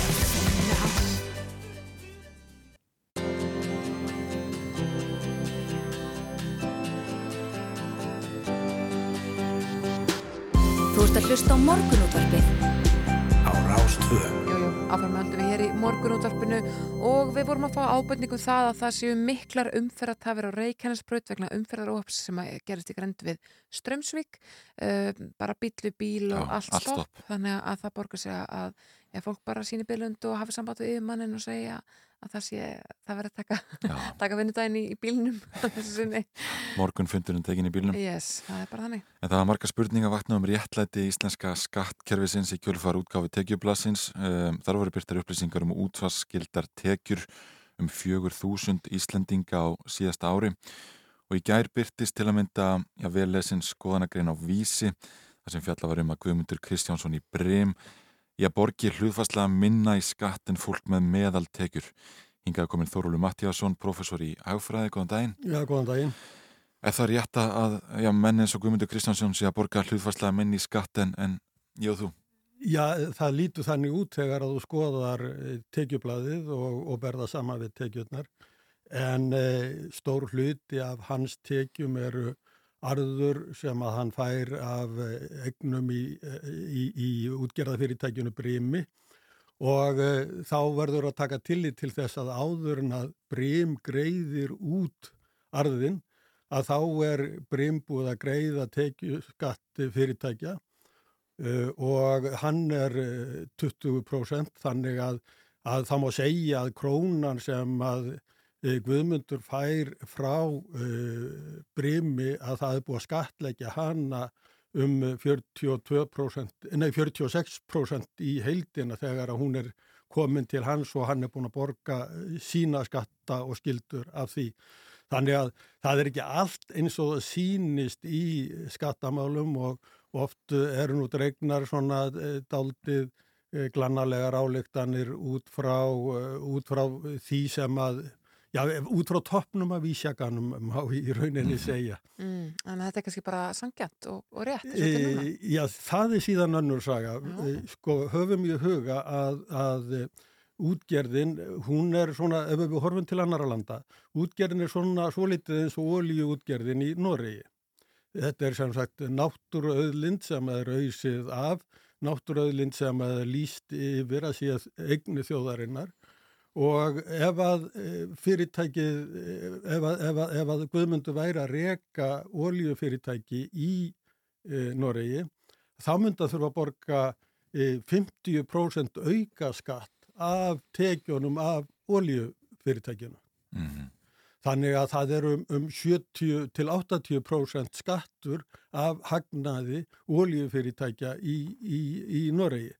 E, við gætum, e, þannig að, að, að, að óréttlætið í þessu er ekki það sem að sínist er og skoðar skattaskrána heldur í því sem þú sérði ekki vegna þess að það er ekki lögð ánægilega há veiðigjöld. Mm -hmm. Þannig að þar ættum en að beina sjónu sínum að frekar heldur en að skattkerfinu uh, sjálfu. Einmitt. En, en þetta er áhugavert að, að þegar maður skoður þetta svona bladi þá virðist hann borga mun minna hlutfarslega í, í skatt en, en síðan þarf að taka einmitt inn í þetta sko, tekjuskatt og fjármarstekjuskatt og, og jæðaskattin og, og síðan uh, skatta á hagnaðin og svona en, en breytir það því einhvað að, að þetta sé óréttlátt?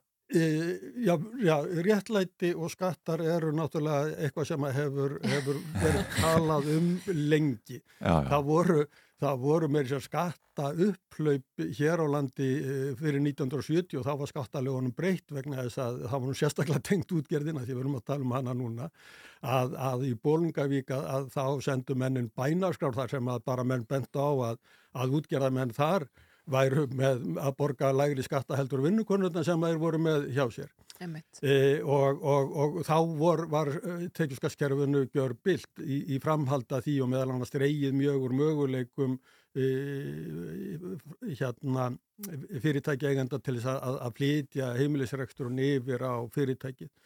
En En, en, en sko ef við lítum aftur í tíman og þá hafa sko og, og alþjóðlega þá hafa hæstu jáðarskattar farið upp undir 90% og jafnvel, jafnvel yfir 100% í sömum tilfellum.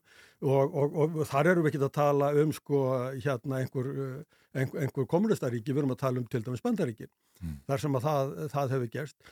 Og þetta gerist gjarnan á stríðstímum og þá kemur réttlæti þarna inn, menn hugsa sem svo að það er ekkert réttlæti því að einhverjir hérna eh, eldri kallar með pípuhatt e, verðu ofsalega ríkir á því að senda síni og dætur e, hérna verkamannana sinna á výgvöldin e, fyr, fram fyrir byssukjáftana. Og þannig gerist þetta í, í til dæmis í kringum, kringum hérna setni heimstyrjöldin að þá fara þessi skattar mjög hátt.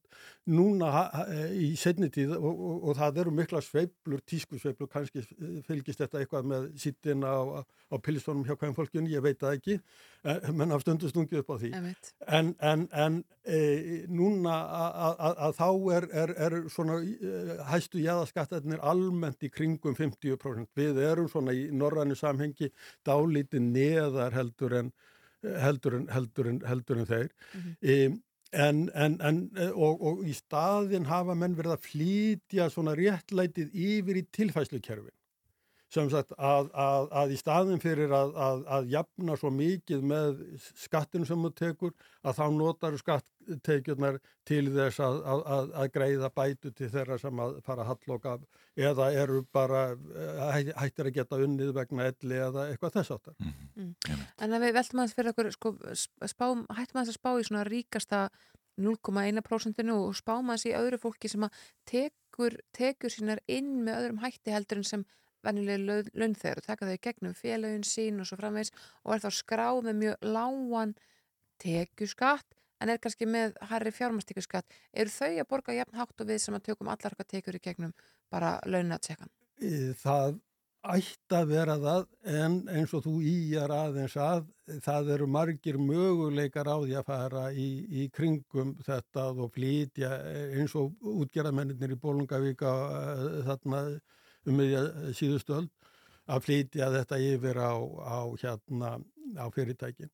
E, og e, sko það, það sem að við gerum Eh, hérna er það að, að, að grundvallar sjónamiði þegar er verið að skatleggja eh, sem sagt rekstur einstaklinga í eigin nafni að eh, eða í, í, í enga hlutafélagi að þá er, er, er litið á hérna fjármakstekjurnar svona sem afgangstær Mhm.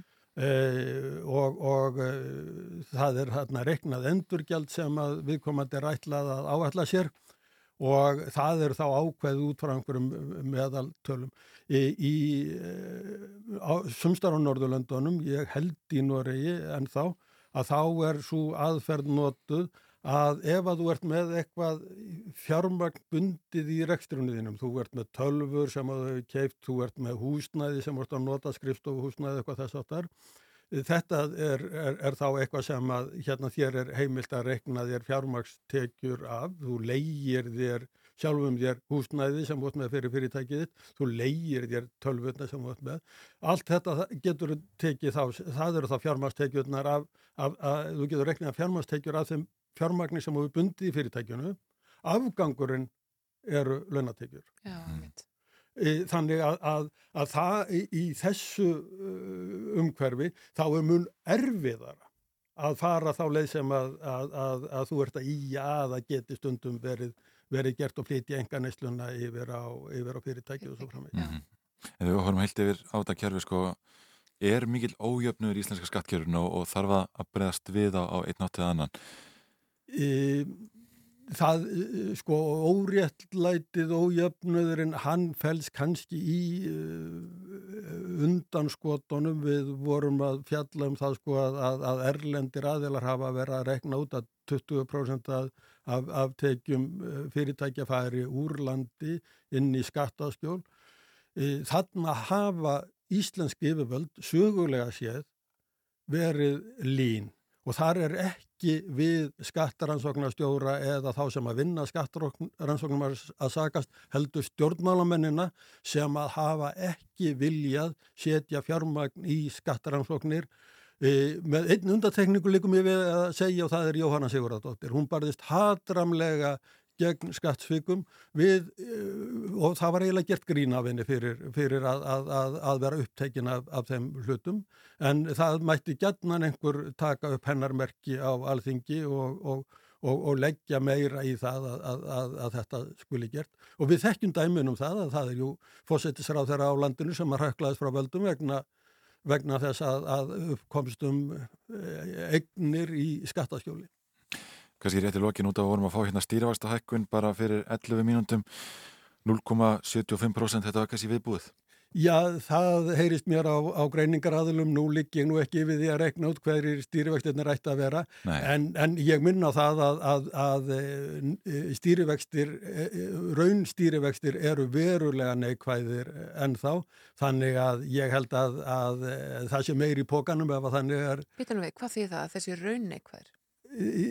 Verðbólgan er, er um 10%, Einmitt. vextirnir eru 5,5% núna, stýrivextirnir, Þannig að ef að þú spyr hvað er raunverulega verið að borga þá er í rauninni verið að gefa e, 45 öðra e, þannig hverskipti. Mm -hmm. Já, já. En þú séð það að sé meiri í pókanum?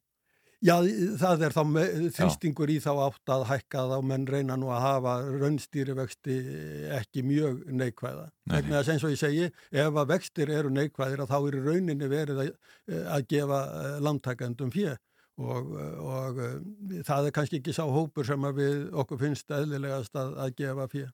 Vegna þess að munum það að, að, að ef við lítum á stóru hópan í félaginu að þá er það svoleiðis að það eru fyrirtækin sem að skulda það er almenningur sambáð á eignir að stórum hluta í lífyrirsjóðanum en sem sagt í, í lánakerfi gengur að stórum hluta út á það að, að flytja fjö frá að, að, að einstaklingar er að lána fyrirtækjum. Mm. Mm.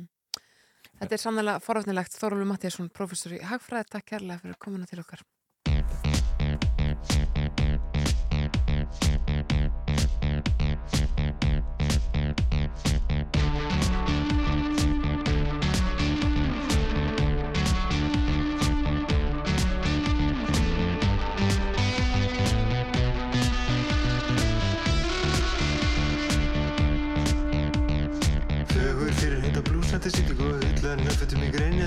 Stími heim í heiðadalinn Góður strákur og velu dalinn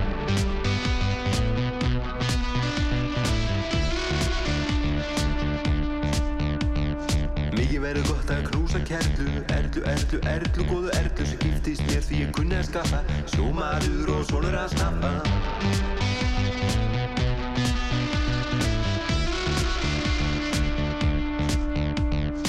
Laka svo til að hitta börnin Maríu, hænu, hafþór og örnin Vinna upp tíma, klippa smá líma. Í eldingaleik fram að átta tíma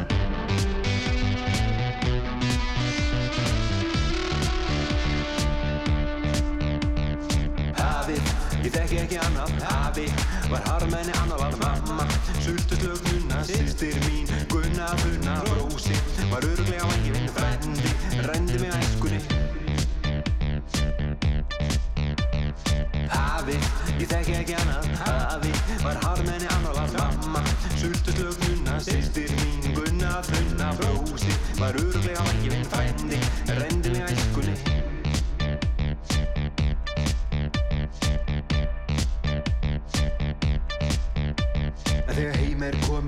býður mín flaskan og á tröppunum stendur ferðartaskan Erlaðu góð að fá mig vini á hessbakk síðastir túr hann kerði um þverrbakk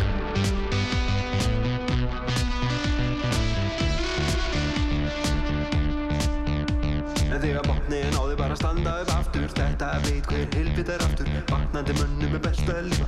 Híni geta ég þið hundar geta stefa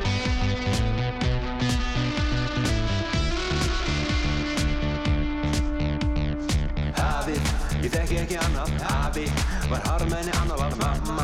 Sultuslög nunna, sýstir mín Gunna, funna, brósi Var öruglega ekki vinn frendi Rendi mig æskunni.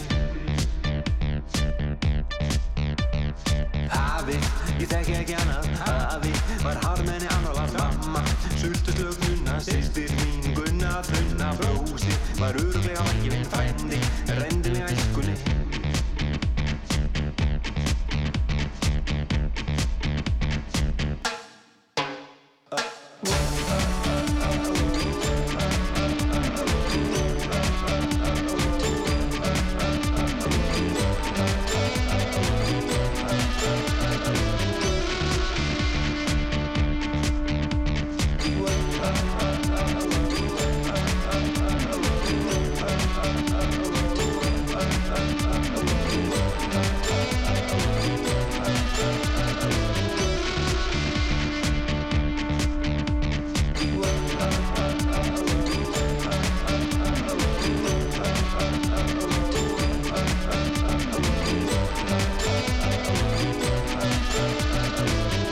að hlusta á morgunútvarpið á Rástvö. París Norðursins með Prins Pólo. Já, þetta er ótrúlega skemmtilegt lag. Já, þetta er alltaf skemmtilegt. Algjörstemming. Það voru svona síkilt. Já, algjörlega, bara algjörstemming. Já, við ætlum hér á eftir uh, mögulega að hérna, aðeins að ræða uh, já, svona hlutverk og vinnubröð fjölmjöla í tegnslu skotárusin á Blöndósi fyrir vikunni. Einmitt, það komu tvær yfirlýsingar í gær frá fjölskyldum þeirra sem að tengist þessari árás þar sem að, já, var meðalans talað um hlutverk fjölmjöla og, og svona óskum að fá frið. Já, já, einmitt. Ef við fyrir minna örstuðt aðeins yfir, já, það var náttúrulega komin í frétt hérna bara hálf nýju, stýravæsta hækkunni på 0,75% stygg með ég vextir bankans vextir á sjötaða bundnum innlánum farið því úr 4,75 í 5,5, þetta er áttunda hækkunin í röð mm -hmm. og það kemur hérna fram í, í raukstunningi uh, að ja, verðbólgu horfur hafi áfram vestnað verðbólga aukist í júli og mælst 9,9% en að gertir á fyrir að ná í hámarki undir lok ársins í tefla 11%. Já, mitt og svo vonandi fyrir hún að, hérna, gefa þess eftir. Það þýðir ekki að krónu tölurnar fara eitthvað að lækka í maturubúðinni það þýðir bara hækkun verður minni. Maður er búin að reyna að skilja þetta með nokkrum hagfræðingum sem við hefum fengið hér sem gæsti þetta er svona aðeins já, Þetta er alltaf bara búin saman við, við stöðuna sem var í fyrra á samantími fyrra. Algjörlega. En uh, við skulum heyra smá tónlist og uh, koma svo hér aftur að verðum spórir þessu gátt þessu alltaf í morgunarþorpinu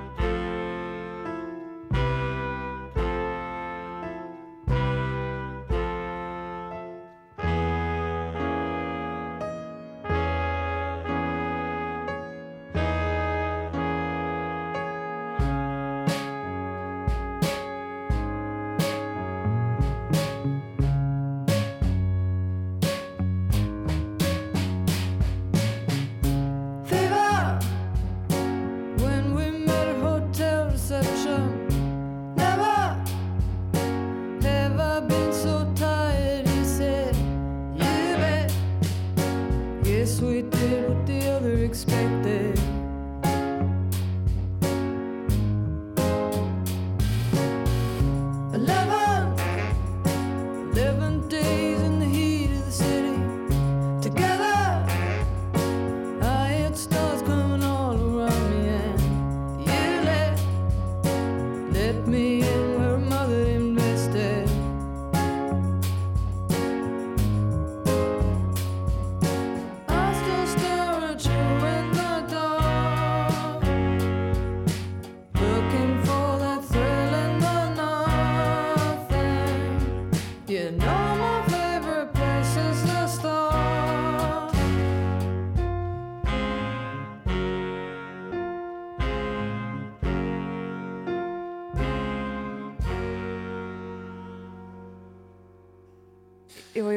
Aldous Harding, hún var nú eh, hér í hljómahallinu fyrir skömmu séðan og vakti mikla löku. Já, já, læðið Fever. En uh, við erum búin að svona töluvert fjallaðis um uh, já, stöðuna í finskum stjórnmálum sem Já, já. snýra að uh, Sunnu Marín, fórsættis að þeirra finna. Svo vorum hérna við, með já, Andris Jónsson, almannantengil og, og, og framkvæmtistjóra viðrisnar Einmitt. hjá okkur. Þau rættu svona hvernig hérna hvernig þessi mála, það var náttúrulega fyrst voru tvö myndbönd í dreifingu þar sem hún er að er að djamma, djamma, já, já. já, Það, sko, mér erst minnst rætt um miðbandi þar sem hún var augljóslega í svona frekar nánum dansa með einhver manni sem er ekki maður en hennar. Það, var, það, það væri ólangt gengið til að fólk geti smetta á því, sko. En núna þarf nú beðist afsökunar því einhverju áhrifvalda fóru inn á baðherbyggi heima hjá henni eftir eitthvað bóð, tóku myndir af sér berra ofan þar með Finnlandsmerki fyrir. Og ég, þessu næ ég ekki. Hvernig hún á að hafa getið borðað að borða þessu?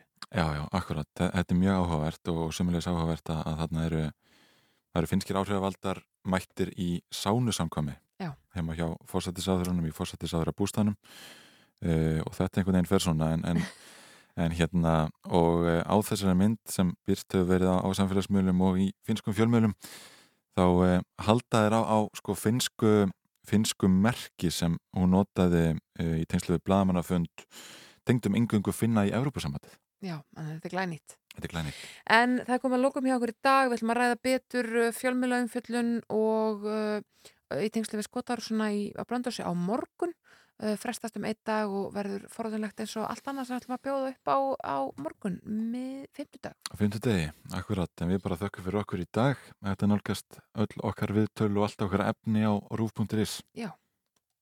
I'm a big slow, take off the slow. Did it mess it up, I'm make it go. Release the. Release the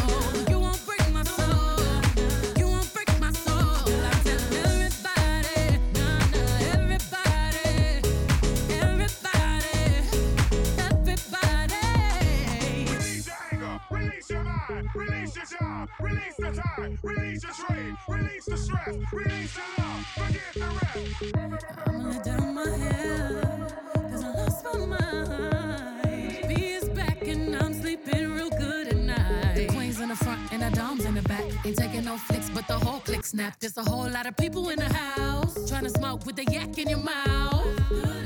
And we back outside. You said you outside, but you ain't that outside. Worldwide hoodie with the mask outside. In case you forgot how we act outside.